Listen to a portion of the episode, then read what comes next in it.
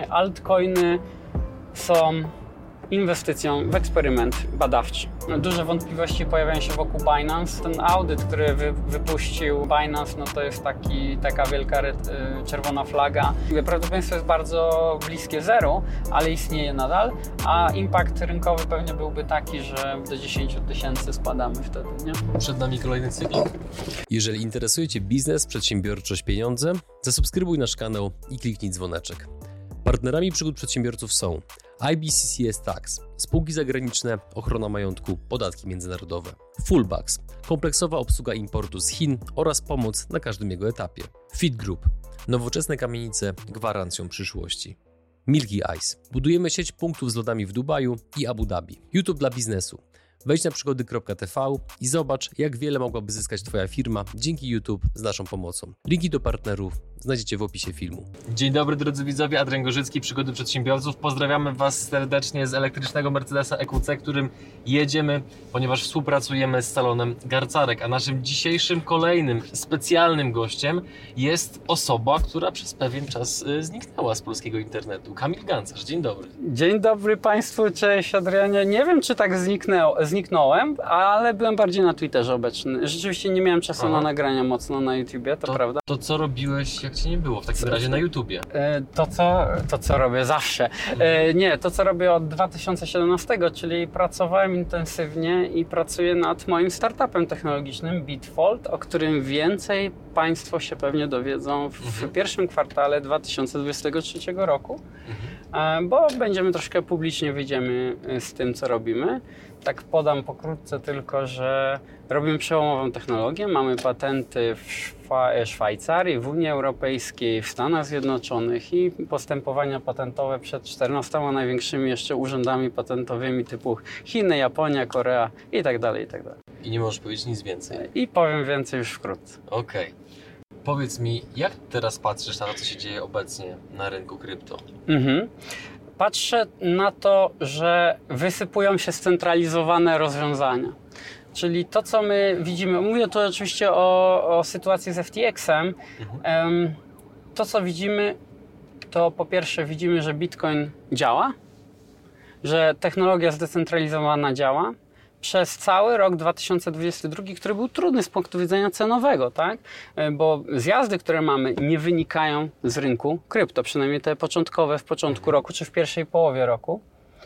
E, zjazdy, które były oczywiście dalej, no to już były bankructwa różnych protokołów typu, e, typu Luna, e, czy, czy to nie było bankructwo, tylko protokół się wysypał w taki sposób, jak to niestety było mm, może nie przewidziane, ale zespół, który pracował nad Luną, pierwsi programiści, jeden z nich zeznał, y, nie pamiętam czy było postępowanie przed y, singapurską prokuraturą czy, czy koreańską, to programist, jeden z programistów zeznał, że już na momencie testowania mm, projektu Luna i tego stablecoina algorytmicznego USDT, już wtedy było wiadomo, że to nie zadziała.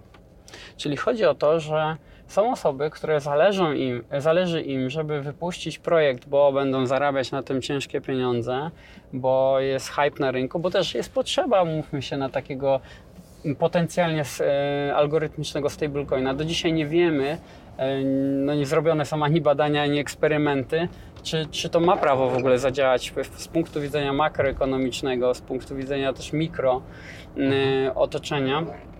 Nie wiemy, czy coś takiego ma prawo działać, ale wtedy e, autorzy tego projektu, czy Dokłon, który był tutaj e, funderem tego projektu, niestety wiedział, że tak będzie. No i, no i poszedł w to, tak, żeby po prostu wypuścić taki projekt live. No więc tutaj się pojawia coś takiego jak moral hazard, tak, czyli to, czy mm, no ktoś chce robić to z punktu widzenia y, zarabiania tylko pieniędzy, czy chce wnieść coś do społeczeństwa. Ja myślę, że y, wielokrotnie rzeczy w krypto, które będą się wysypywać teraz i w przyszłości, po prostu biorą się z chciwości, z centralizacji, ze wszystkiego tym, czym nie jest idea stojąca za technologią blockchain, bo technologia blockchain to jest po prostu technologia prawdy, czyli matematycznie weryfikowalnego stanu faktycznego. Takiego notariusza, byśmy powiedzieli, cyfrowego. Taki trochę coś jak badanie stanu fizycznego jakiegoś y, przedmiotu czy, czy jakiegoś faktu. Po prostu badamy prawdę, badamy fakty i je prezentujemy w sposób, który nie można zmanipulować. Tym jest blockchain, po prostu bazą danych tak naprawdę. Jeżeli ktoś na tym hypie, na tej społeczności e, buduje coś, co no jest eksperymentem, bo umówmy się, będzie bardzo dużo eksperymentów. To, to, to nie oznacza, że one mają złą intencję z góry, no ale tutaj już jakby pojawiły się takie e, czy poszlaki, czy, czy wiedza, no to niestety to będzie skutkować e, dużymi stratami na rynku, czy dużymi stratami dla inwestorów, którzy są w takich projektach, więc niestety, no właśnie altcoiny są inwestycją w eksperyment badawczy na żywym organizmie, na żywych finansach, na prawdziwych pieniądzach warte 60, 20 parę miliardów dolarów, bo Luna tam była warta między 60 chyba czy 80 miliardów. E, Z kolei FTX był wyceniony na 26 miliardów dola- dolarów, czyli po prostu kiedyś e, laboratoryjne eksperymenty były zamknięte w małym laboratorium, chociaż e, w 2020 z laboratorium pewne rzeczy też uciekły, prawda? Podobno. Podobno. Znaczy, czy nie podobno, to na to są maile, które też wyciekły zresztą później, ale to już jest inny temat. Chodzi o to, że y, to, co doświadczyła branża, to problemy z centralizacją zdecentralizowanych technologii. I tak naprawdę tam, gdzie e, działa sama technologia, gdzie działa algorytmy, czyli DeFi, zdecentralizowane finanse, wszystko działa. Czyli nasza branża tak naprawdę się broni i ideowo, i technologicznie, i przeżywa dobry, przeżywając ten kryzys e, wynikający ze spadków ceny, pokazuje, że to może działać. No bo To jak ty podchodzisz do tego, co się dzieje obecnie? To jest takie oczyszczenie rynku? To jest Oczywiście, dobry moment tak. do akumulacji? To jest dobry moment do zakupów? To jest być może moment, w którym mimo wszystko być może jeszcze powinno się czekać? mhm. Jak, jakie, jaką ty przyjmujesz pozycję jako inwestor Mhm. na tym rynku? akumuluję cały czas. Ale akumuluję, wiesz, o, i od y, końcówki tamtego roku i w tamtym roku i od 14 roku akumuluję. Chodzi o to, że każdy szuka idealnego momentu na, na zakup. A y, oczywiście teraz jest lepszy zakup, y, moment na zakup niż y, w końcówce tamtego roku, tylko że w końcówce tamtego roku wcale nie było takie oczywiste, że nie będziemy szli mocno w górę. Zresztą pamiętasz, na ostatnim wywiadzie Ci mówiłem, że ja byłem raczej przekonany, że my jeszcze nie zrobiliśmy e, przegrzania rynku i jeszcze będziemy rośli. Bo oczywiście faktycznie nie zrobiliśmy przegrzania rynku. To, co się wydarzyło w końcówce tamtego roku, to jest wycofywanie płynności z rynków finansowych. Czyli makrootoczenie, nie nasza branża doprowadziła do tego, że e, po prostu zaczynamy spadać. No a co to jest to wycofywanie płynności? To, bo to nawet nie jest e, to, co niektórzy mówią, o bank centralny Fed zaczął stosować tempering, e, zaczął e, przestał skupować obligacje w taki intensywny sposób. To nie to się wydarzyło. To, co się wydarzyło, to powiększenie mm, operacji reserve repo, czyli ściąganie płynności z banków i lokowanie w banku centralnym, które nie, mm, nie oznacza, że pieniądz w ogóle znika z systemu, tylko jest po prostu jakby przechowywany, zamrożony w takich zamrażarkach Fedzie, tak? Mhm. na procent. Więc banki tej płynności nie wrzucają w rynek finansowy, nie kupują obligacji, tylko trzymają y, te środki na mm, y, saldach banku centralnego. Przed nami kolejny cykl? Y, Już się rozpoczął? Wiesz co? Czy jeszcze nie? Pytanie czy, się, pytanie, czy się cykl w ogóle e, zakończył jako taki. Oczywiście my mamy, e, mamy duże, e, duże spadki wynikające z płynności, tylko dopiero moim zdaniem zobaczymy wszyscy, bo ja nie chcę teraz tak mocno jakby tutaj bronić tej tezy, którą mam, dlatego że ona nie będzie zrozumiana. I, I wiesz, tylko wywołam duży, e, duży, duży Szum. opór, duży opór wyko- Okej. e, wywołam, a to nie o to chodzi, bo widzisz, wszyscy. Ale ale czy, czym jest ta teza? Jeszcze jakby uściślimy, jeżeli, jeżeli e, możemy. ty- tym teza, że, że rynek na krypto powinien się zakończyć poważną bańką spekulacyjną. Mhm.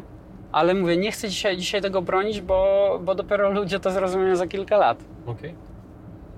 Wiesz, kiedyś próbowałem, nawet kilka miesięcy temu próbowałem to, to bronić, to, to wiesz, jestem Mhm. nauczony. Każda akcja rodzi reakcję, Do tego, prawda? za chwilę, do tego za chwilkę przejdziemy. Tak. Mhm. Okej. Więc załóżmy, że oglądają nas osoby, które są entuzjastami krypto pod różnym względem.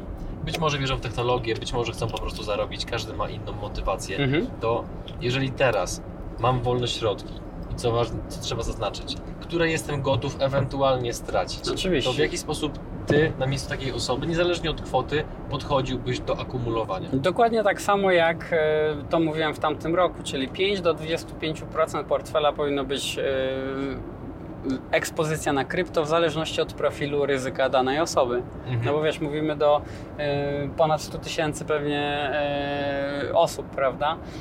Więc e, to jest indywidualny procent portfela. E, Tym bardziej, jeżeli, jeżeli oni trzymali się tej zasady, to teraz mogą dokupować, bo jest taniej, więc się zmniejszy udział w portfelu, doprowadzać do tej e, kwoty. Oczywiście, jeżeli ktoś jest bardzo kompetentny, wie o co chodzi, rozumie ryzyka, rozumie też długoterminową tezę, bo nie można patrzeć tylko, że mamy trendy tak zwany business cycle, cykl biznesowy, cykl gospodarczy wynikający mm, no właśnie na przykład z okresów e, płynności, działań banków centralnych, e, wzrostu gospodarczego czy recesji i odpowiedzi na tym cyklu na rynku obligacji. W, w branży krypto mamy tak zwany też trend sekularny. Zresztą wielu, w ogóle makroinwestowanie tak, e, tak funkcjonuje, że obserwujemy czy szukamy też takich trendów sekularnych i pod nie mm, budujemy pozycje. To są trendy, które są 10, 20 lat, 12 lat. No, już od 2008 krypto rośnie, tam czy 9 powiedzmy, no jakieś pierwsze ceny się tam powiedzmy budowały w 9, taka niby oficjalna, oficjalna pierwsza cena to jest 2010, czyli pizza day, tak 10 tysięcy bitcoinów za dwie pizze, za około 30-40 dolarów warte, tak? Więc, więc to był ten czas. No i od tamtej pory my jesteśmy w jednym trendzie, do góry. No z okresami korekt, z okresami baniek spekulacyjnych, wtedy już możemy mówić o typowych bessach na tym rynku, bo co ważne, że te bessy zawsze dzieją się też w otoczeniu rosnących innych aktywów, a ostatnia sytuacja pokazała, że 40% całego bogactwa wyparowało w, w postaci e, spadku wycen nawet na Nikt nie e, widzi tego, obserwując na ry- rynek. Znaczy, może nie nikt, bo to taka generalizacja, ale wiele osób nie zauważa tego, że obligacje e, spadły w okresie, kiedy spadały akcje, tak? Czyli portfolio tak zwane 60 na 40 gdzie 60% lokujemy w obligacjach i 40% przestało działać, miał najgorszy wynik od y, dziesiątek lat. Czy tam nawet od, y, nie, nawet nie wiem, czy to nie lat 40. Więc y, mamy zupełnie inne otoczenie płynnościowe, inne działanie banku centralnego, mamy sytuację e, z, z wojną handlową, mamy e, de, e, deglobalizację, podziały na poszczególne kluby e, krajów, grup interesu, tak? E, Jedni nie mogą kupować ropy od Rosji, inni kupują, potem sprzedają z marżą do tych samych krajów, które już od Rosji nie mogą kupić. Świat się e, polaryzuje, mm, e, tworzą się różne e, gru, no, grupy interesu, kluby krajów, no i to już nie jest taki glo, globalny świat. Raczej globalizacja będzie w świecie cyfrowym teraz postępować, e, a powiedzmy pe, pewna taka decentralizacja łańcuchów do, dostaw nastąpi. Mm, Niektóre fabryki, firmy, które na Tajwanie produkują e, mikrokontrolery, czy mikroukłady, czy procesory e, w technologii, która jest niedostępna, nieprodukowana nigdzie indziej, to te same firmy zaczynają myśleć o budowie fabryk w Stanach Zjednoczonych ze względu na ryzyko konfliktu, chociażby Chiny, Tajwan. Mhm. Jak w tym wszystkim radzi sobie z Twojej perspektywy Polska?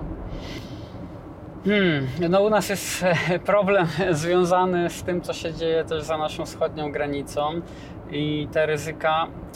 e, No, czy, czy Polska jest tak bardzo podmiotowym graczem na arenie międzynarodowej? To jest, to jest niestety trochę nam tego brakuje.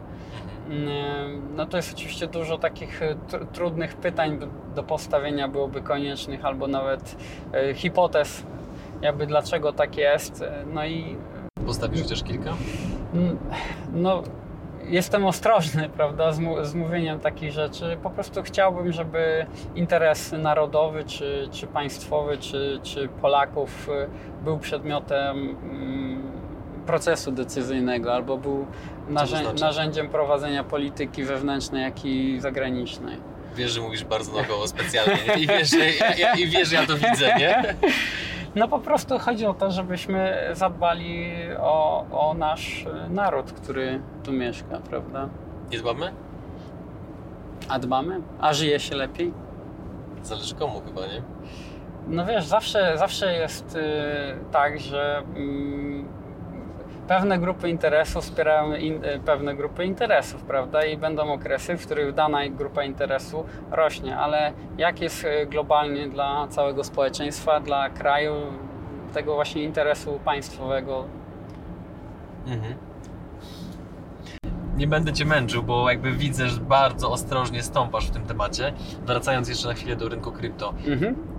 Za nami kilka wydarzeń, które miały taki, mam wrażenie, ogromny wpływ Tak. na spadek chyba zaufania przynajmniej części entuzjastów, e, entuzjastów krypto wobec całego krypto, chociażby Mhm. upadek właśnie FTX, Mhm. czy e, sprawa z Luną. Czy widzisz jakieś inne aktualnie potencjalne punkty zapalne, które w najbliższym czasie mogą, ale nie muszą się wydarzyć, jeżeli chodzi o krypto? Niestety tak. Znaczy, ja jestem, żeby było, zaznaczę przy okazji, że jestem bykiem, tak? I cały czas akumuluję, ale chodzi o to, że jak już stawiamy tak pytanie, no to trzeba uczciwie sobie powiedzieć, że mm, duże wątpliwości pojawiają się wokół Binance.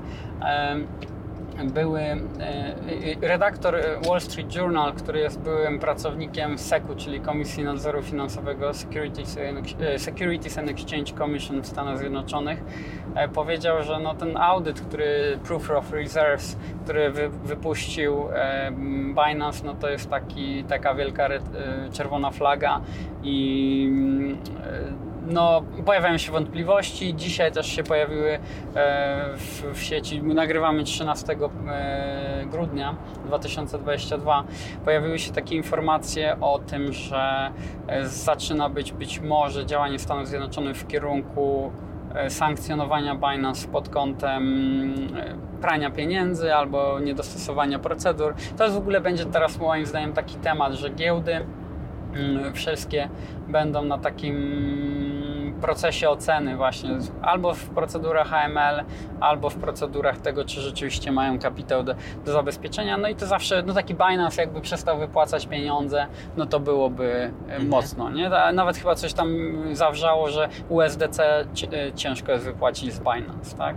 Mhm. Na, na moment przynajmniej jakby jak nagrywamy, bo, bo jeszcze dzisiaj coś się może wydarzy, a jutro może się coś wydarzyć. Jest, jest taka sytuacja. Ale co ciekawe, to nie jest wcale najgorsze, to słuchamy dalej. bo okazuje się, e, że e, upadek FTX-u no, jest powiązany z Genesis, e, tym brokerem instytucjonalnym krypto, jest powiązanie z Digital Currency Group, a tam bliskie jest powiązanie do Grayscale.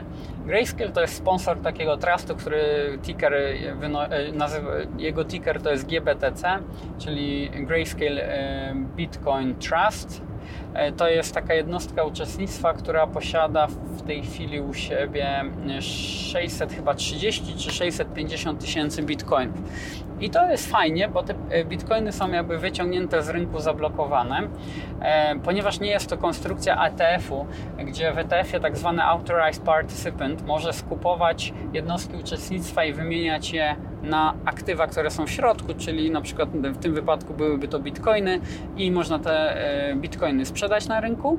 Mm, W tym, za pomocą tego mechanizmu podnosimy cenę ETF-u, a wyciągając tak zwany net asset value, czyli te aktywa netto, za które odpowiada jednostka, dostajemy aktywa, robimy arbitraż i doprowadzamy do tego, że cena, e, jeżeli jest poniżej ceny rynkowej, a dzisiaj GBTC jest e, ponad czy około 50% poniżej ceny rynkowej e, aktywów, które posiada, można regulować i dostosowywać, są mechanizmy dostosowawcze, które powodują, że wartość ETF-u dobrze śledzi cenę aktywów, które są w środku. GBTC tak nie jest skonstruowane, ponieważ GBTC e, jest trustem, z którego nie można wyciągnąć bitcoinów poza pobraniem opłaty za zarządzanie, która wynosi 2% rocznie i jest tam e, pobierane za ka- e, w 5 dni w tygodniu pobierane są opłaty. Za weekend w poniedziałek jest pobrane za 3 dni. Proporcjonalnie, tak? Czyli dzielimy Jasne. przez liczbę dni. I o co, o co teraz chodzi? Chodzi o to, że wszystko fajnie, bo te bitcoiny są poza rynkiem i dostępne są do sprzedaży. Ale jak się wejdzie w Bloomberg Terminal i w takie dość tam zaawansowane raporty w Bloomberg Intelligence w okolicy właśnie tego potencjalnych problemów Grayscale, to się okazuje, To chyba nawet tak szczegółowo mówię pierwszy raz na globalnym YouTube, bo poruszam to na raportach moich tych zamkniętych. Wiemy. e, To e, zobaczymy, że jeżeli nastąpiłoby bankructwo Grayscale, które jest bardzo, bardzo mało prawdopodobne, bo Grayscale zarabia z opłat za zarządzanie 300 milionów dolarów rocznie. Da się jakoś przeżyć za to, prawda? Nawet, spół, nawet w spółce, prawda? E, tyle ma przychodu, może tak, e, z opłat. Mm, to gdyby przez właśnie te różne powiązania i gdzieś tam jeszcze ten radioaktywny opad po FTX-ie doszło do sytuacji, że na przykład ta firma w jakiś sposób jest niewypłacalna, no to y, zgodnie z dokumentami tego trustu jest 90 dni na znalezienie tak zwanego nowego sponsora, który będzie miał te udziały, z, które dają prawo głosu. Jeżeli to się nie stanie, taki fundusz musi być rozwiązany. Ale nie rozwiązany w postaci wydania bitcoinów i- posiadaczom jednostek uczestnictwa, tylko rozwiązany za pomocą sprzedania wszystkich bitcoinów i wydaniu dolarów. No to już nie każdy chyba rozumie o co chodzi. I największą bombą w krypto nie jest Tether i nie jest yy, potencjalnie jeszcze USDC, bo tam też yy, mogą być rzeczy, tylko największą bombą w krypto jest GBTC. Jeżeli doszłoby do takiej sytuacji, albo ktoś by celowo dążył, żeby, żeby taka sytuacja się wydarzyła, aczkolwiek ze względu na te opłaty za zarządzanie wydaje się, że to jest yy, pewnie po, poniżej procenta czy pół procenta prawdopodobieństwa takiego zdarzenia, no bo wystarczy, się znajdzie inny sponsor. No ale tutaj pytanie, co robi y, duża finansjera e, i, i czy ktoś nie ma interesu w tym, żeby to było taniej. General, generalnie są instytucje, które kupują cały czas bitcoina, więc mają w interesie, żeby on urósł, no ale może są jacyś gracze, którzy chcieliby, żeby kupić go jeszcze taniej, bo to, że zaraz będzie trend instytucjonalnego inwestora na tym rynku, to jest więcej niż pewne. Mm, Oglądałem taki wywiad y, na zamkniętej platformie z panią z Templetona, którzy w tej chwili zrobili stokenizowany fundusz Money Market, czyli rynku, fundusze rynku pieniężnego, gdzie obligacje z rynku pieniężnego są y, stokenizowane tak naprawdę każda instytucja już jest praktycznie przygotowana do zakupów, ale to, co robią instytucje, to czekają na zmianę sentymentu, początek wzrostów, yy, więc jeżeli zobaczymy już, właściwie nawet dzisiaj już ce- cena rosła, yy, yy, bitcoina inflacja jest trochę mniejsza, znaczy większa, ale chyba 0,1 niż zakładana, ale mniejsza niż y, mamy ten trend spadku inflacji. Y, Jutro będzie Fed, tak, o 20 polskiego czasu. Zobaczymy, jak będą stopy procentowe wyglądać w Stanach Zjednoczonych. Więc jest duża szansa, że my już zaczęliśmy wzrosty, ale jakby ktoś chciał zrobić kuku, to, to, to, to po prostu wystarczy doprowadzić do sytuacji rozwiązania GBTC. Nie wiem, czy to jest w ogóle proste, mm, ale no różne rzeczy się działy na rynku. Tak? I wtedy, wtedy to, jeżeli byłaby ta, taka sytuacja, mówię, prawdopodobieństwo jest bardzo bliskie zeru, ale istnieje nadal, a impact rynkowy pewnie byłby taki, że do 10 tysięcy spadamy wtedy, nie? Jakby te Aż tak. bitcoiny były zrzucone. Tak, mniej więcej patrząc po ilości kapitału, który się tam znajduje i jaki jest impact na kapitalizację, e, powiedzmy tak 10 razy możemy przyjąć, że kapitalizacja spada versus liczba środków, które zrzucono na rynek, ale to jest mm, to już jest inny temat i to bazuje na innych badaniach. To powiedziałeś, że to ma dość dużą potencjalną skalę rażenia, gdyby się wydarzyło. Tak, a niskie prawdopodobieństwo, czyli prawdopodobieństwo. czarny łabędź po prostu. A co tak? ma wysokie prawdopodobieństwo, a umiarkowaną siłę rażenia? Tether, Znaczy- USDC? Też Jak na nie, to patrzysz? nie, nie, nie sądzę, że to ma duże prawdopodobieństwo. Myślę, że mm, wysokie prawdopodobieństwo to są regulacje w tej chwili. E, tylko co ciekawe, też czytałem właśnie raport y, wczoraj też na Bloomberg Intelligence od strony government, y, od specjalistów ze strony government, gdzie nawet nadają y, miary prawdopodobieństw uchwalenia pewnych ustaw. No i tam w pipeline jest chyba sześć różnych przepisów, które dotykają rynku krypto w 2023.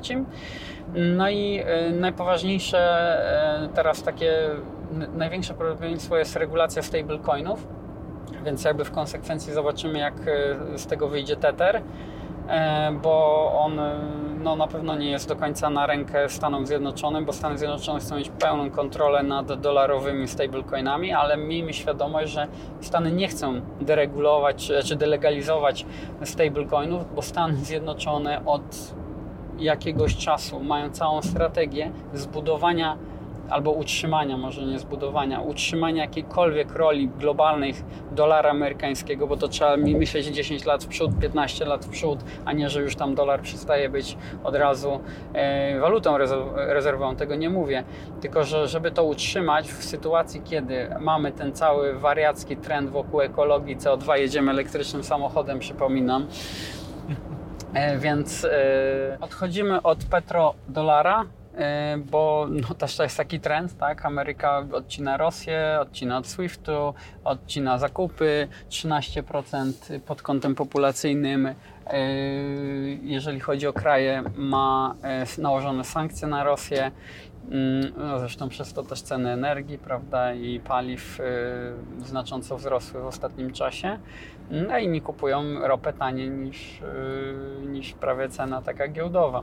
Mhm. Ci, którzy nie mają problemu z Rosją. Oczywiście tutaj mówię, nie chcę oceniać yy, w ogóle i sankcji tego, czy ktoś chce być klientem, czy, e, czy, czy sprzedawcą do Rosji, tylko bardziej rozmawiam o tym, że mm, jest ten podział. E, dolar będzie zbudowany na czymś innym i tym czymś innym są kryptodolary, czyli stablecoiny, potem CBDC, e, no i pewnie w tym wszystkim bardzo ogromnym znaczeniem, ogromne znaczenie będzie, miało, będzie miał Bitcoin i być może Ethereum jeszcze. Zobaczymy, jak to się rozegra. No właśnie, bo y, teraz powiedziałeś bardzo ciekawą rzecz, czy generalnie mówisz ciekawe rzeczy w tym wywiadzie, ale tutaj poruszyłeś taki wątek, który bardzo często słyszę od osób, które nie są aż tak entuzjastycznie nastawione wobec krypto, mhm. które mówią, że jak krypto osiągną naprawdę bardzo duże znaczenie i bardzo duży poziom adopcji w społeczeństwie, to, że rządy zaka zakażą w pewien sposób używania go, nastąpi jakaś delegalizacja i tego typu mhm. rzeczy. A z tego, co teraz Ty mówisz, wynika, że Stany coraz bardziej w tym kierunku się przesuwają, żeby de facto kontrolować. Oczywiście.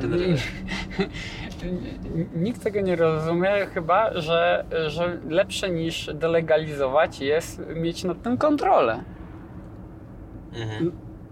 Taką siłę ekonomiczną wysadzać w powietrze i to oznacza, że jeżeli wysadzamy w powietrze siłę ekonomiczną, to w tym kraju jest nielegalne, ale w Salwadorze to jest legalny środek płatniczy. I co mają się, gospodarka Salwadoru ma się rozwinąć razy 100, a Stanów ma się kurczyć? To jest taki wybór. To nie o to chodzi. Chodzi o to, że to tak jakby Stany chciały zakazać, nie no, Facebooka, nie, nie może być Facebooka, Apple też nie powinien być, nie powinniśmy mieć te amerykańskiego Google'a, przeglądarek i tak dalej, bo to jest internet, to jest to zło. Zamykamy się na to, niech Szwajcarzy robią, niech Chińczycy robią, na TikToku wszystko niech będzie. To jest kontrola, moi drodzy. To nie, nie ma czegoś takiego, że to można zdelegalizować. Lepiej przejąć nad tym kontrolę. Gdzie koparki po, po, po Chinach się przenoszą? Texas, Wyoming, Amerykanie z otwartymi rękami. Zapraszamy górników, tutaj wszystko energia jest i tak dalej. Nie ma problemu dla górników. Mm, Ethereum po proof of stake o, tu ktoś może powiedzieć, że Ethereum to jest taki koń trojański, bo po przejściu na proof of stake to 60, nie, chyba z 75%, jak dodamy Amazona chmurę, chmurę Google, e, kilka jeszcze innych takich hostingowych e, podmiotów, to 75% węzłów e, weryfikujących jest odpalone tam. Czyli z czego 40% to jest tylko Amazon. Czego chcieć więcej? Cały blockchain na amerykańskich serwerach albo w większości, tak? Mhm. No to y, delegalizować to? Nie. Regulować, yy, pobierać z tego podatki, kontrolować przepływy pieniężne, cenzurować pewne transakcje, przejmować środki od przestępców. Dane za 2000, chyba 21 rok, bo wtedy, wtedy czytałem, w 22 czytałem raport, ale za 2021 rok nie pamiętam kwoty, ale była informacja, IRS amerykańskiej służby zatrzy, za, zatrzymały od różnych i podatników i przestępców jakąś określoną kwotę X. I teraz w tym były jachty, rachunki bankowe, różne, różne, różne aktywa. Ile procent było, stanowiło krypto w procentach? Pewnie dużo. 91. No i po co wyrzucać coś takiego dziecko z kąpielą? Mhm. To jest narzędzie do. Yy, znaczy, to jest narzędzie do budowania się majątków. To Stany Zjednoczone są od tego, żeby te majątki budowały się pod ich bacznym okiem, a nie żeby budowały się w Chinach, czy, czy w krajach europejskich, czy nie daj Boże jeszcze w Ameryce Centralnej i Południowej. Mhm. Więc absolutnie to po pierwsze nie zgadza się z trendem związanym właśnie z, z konwersją roli dolara albo bazy e, wartości dolara, przynajmniej próby utrzymania wartości dolara, bo mówi się, że jednak dolar straci tą rolę. To oczywiście ten proces tranzy- takiego przejścia e, może trwać 20-30 lat. Ym, Na razie jeszcze nie mamy kandydata, bo ktoś mówi, o, chiński yuan będzie tą e, walutą nową. Dobra, to ile znacie, jaki jest rynek obligacji chińskiego yuana? Kto, kto, kto, ma, kto mia, ma albo dos, dostęp na i kupuje chińskie obligacje? Bo musimy zrozumieć jedną bardzo, bardzo ważną rzecz. Rynek, waluta rezerwowa to nie jest waluta, którą trzymamy na rachunkach bankowych i państwa trzymają i to jest waluta rezerwowa. Wa waluta rezerwowa to jest denominator aktywów finansowych, które przechowują banki centralne, instytucje, kraje, rządy, e, banki, e, banki mm, self-sovereign wealth funds, czyli e, sovereign wealth funds, czyli te fundusze majątkowe państw przechowują nie na rachunku bankowym, bo jest tak zwane ryzyko y, podmiotu, czyli counterparty risk, wynikające z tego, że bank może zbankrutować, coś się może wydarzyć. Trzyma się to wszystko w obligacjach danego kraju. Czyli jeżeli waluta dana ma być walutą rezerwową, to musi to być waluta która ma pięknie rozwinięty, głęboki, pełny płynności, głęboki nie, nie że mm, poruszający duszę, ale posiadający bardzo dużo płynności rynek obligacyjny. Mhm. I dzisiaj to jest oczywiście rynek amerykańskich obligacji, bo chodzi o to, że znowu wracamy, że są cztery rodzaje pieniądza. Bank, e, e, pieniądz rezerwowy, który emituje bank centralny, którym posługują się banki. Ba dla banku to, co, to, czym my płacimy, nie, są, nie jest pieniądzem w ogóle. Dla nich to jest zapis cyfrowy, tylko tak naprawdę to taki jest, że pieniądz nie istnieje. Ten szczególnie tym, którym się posługujemy. Mm, To są jakieś tam cyferki, tylko że Bitcoin jest bardziej materialnym pieniądzem niż pol, polski złoty czy dolar amerykański. E, Pieniądz rezerwowy to trochę ten inny typ, w którym posługują się banki, one wzajemnie sobie umarzają zobowiązania i się rozliczają między sobą i z bankiem centralnym. To jest jeden rodzaj pieniądza. Drugi to jest właśnie ten, ten cyfrowy tokenik, e, który spięty jest z rachunkiem bankowym, z kartą kredytową, z, e, z kartą płatniczą. To takim cy- cyfrowym tokenikiem się posługujemy i tym sobie płacimy. To jest drugi rodzaj pieniądza. Trzeci rodzaj, pieniądza to jest gotówka, e, którą już emituje przeważnie bank centralny. E, No i on ma jakąś papierową formę. Tak naprawdę ten papierowy e, forma to jest po prostu token, e, talon na to, że mamy tam określoną cyferkę, tak? Więc to też jest token. Mm, e, Tak jak ktoś mówi, o co to są te tokeny? No to tak jak masz banknoty, to też masz tokeny. Tylko tylko fungible, tak? nie non-fungible. Więc ma, mam- mamy, mamy tokeny. No i czwarty rodzaj pieniądza właśnie, którym się posługują duże korporacje, fundusze, instytucje finansowe, a przede wszystkim rządy, to są obligacje. I obligacje, na przykład szczególnie amerykańskie, skarbowe, to też jest rodzaj pieniądza. No i dlatego y, waluta rezerwowa musi mieć duży rynek. No ale to przejście będzie, tak? I mm, dolar może stracić swoją rolę, a z czego stracić swoją rolę? Wbrew pozorom przez siłę dolara i przez to, co zrobił ostatnio Stanem właśnie odcinając Rosję. Bo jeżeli się robi ta polaryzacja, jeżeli y, tak zwany jest weaponized dollar, czyli zamienianie dolara w broń, jeżeli się stosuje to jako broń ekonomiczną, jako narzędzie przemocy ekonomicznej, no to, to niestety ludzie, a może mnie kiedyś odetną, nie? Pomyśl sobie jeden z drugim krajem i, będą, i dlatego będą właśnie te podziały, będą tworzyć się alternatywne systemy. No i teraz pytanie, czy w tych, jak będą te wszystkie alternatywne systemy, to na czym to wszystko zepniemy? Oczywiście na jakichś mostach wielowalutowych CBDC pewnie tak. E, e, Zresztą jest coś takiego jak MCBDC, ale znaczy jest w sensie pra- opracowywane. Ale może tym czymś rozliczeniowym globalnie będzie właśnie Bitcoin. Dokończę ten odcinek, biorąc pod uwagę, że nagrywamy go 13 grudnia. Co byś powiedział osobom zainteresowanym krypto a propos Twoich być może przewidywań na rok 2023, ale w takim telegraficznym skrócie? Żeby budowali ekspozycje i żeby się nie zdziwili, jak instytucje zaczną się bardzo mocno opakować i potem pojawi się FOMO instytucjonalne, które doprowadzi do wzrostów, dużych wzrostów. I w tym odcinku stawiamy kropkę. Dziękuję za rozmowę. Dziękuję, trenie. Dziękuję Państwu.